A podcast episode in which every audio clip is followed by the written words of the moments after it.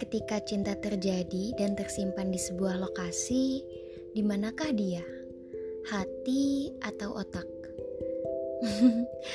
Aduh, perbincangan awal kita kok sudah rumit aja ya. Um, bicara perihal cinta, aku yang akan menemani kamu sekarang hingga nanti. Kalau ngomongin cinta emang gak ada ujungnya ya.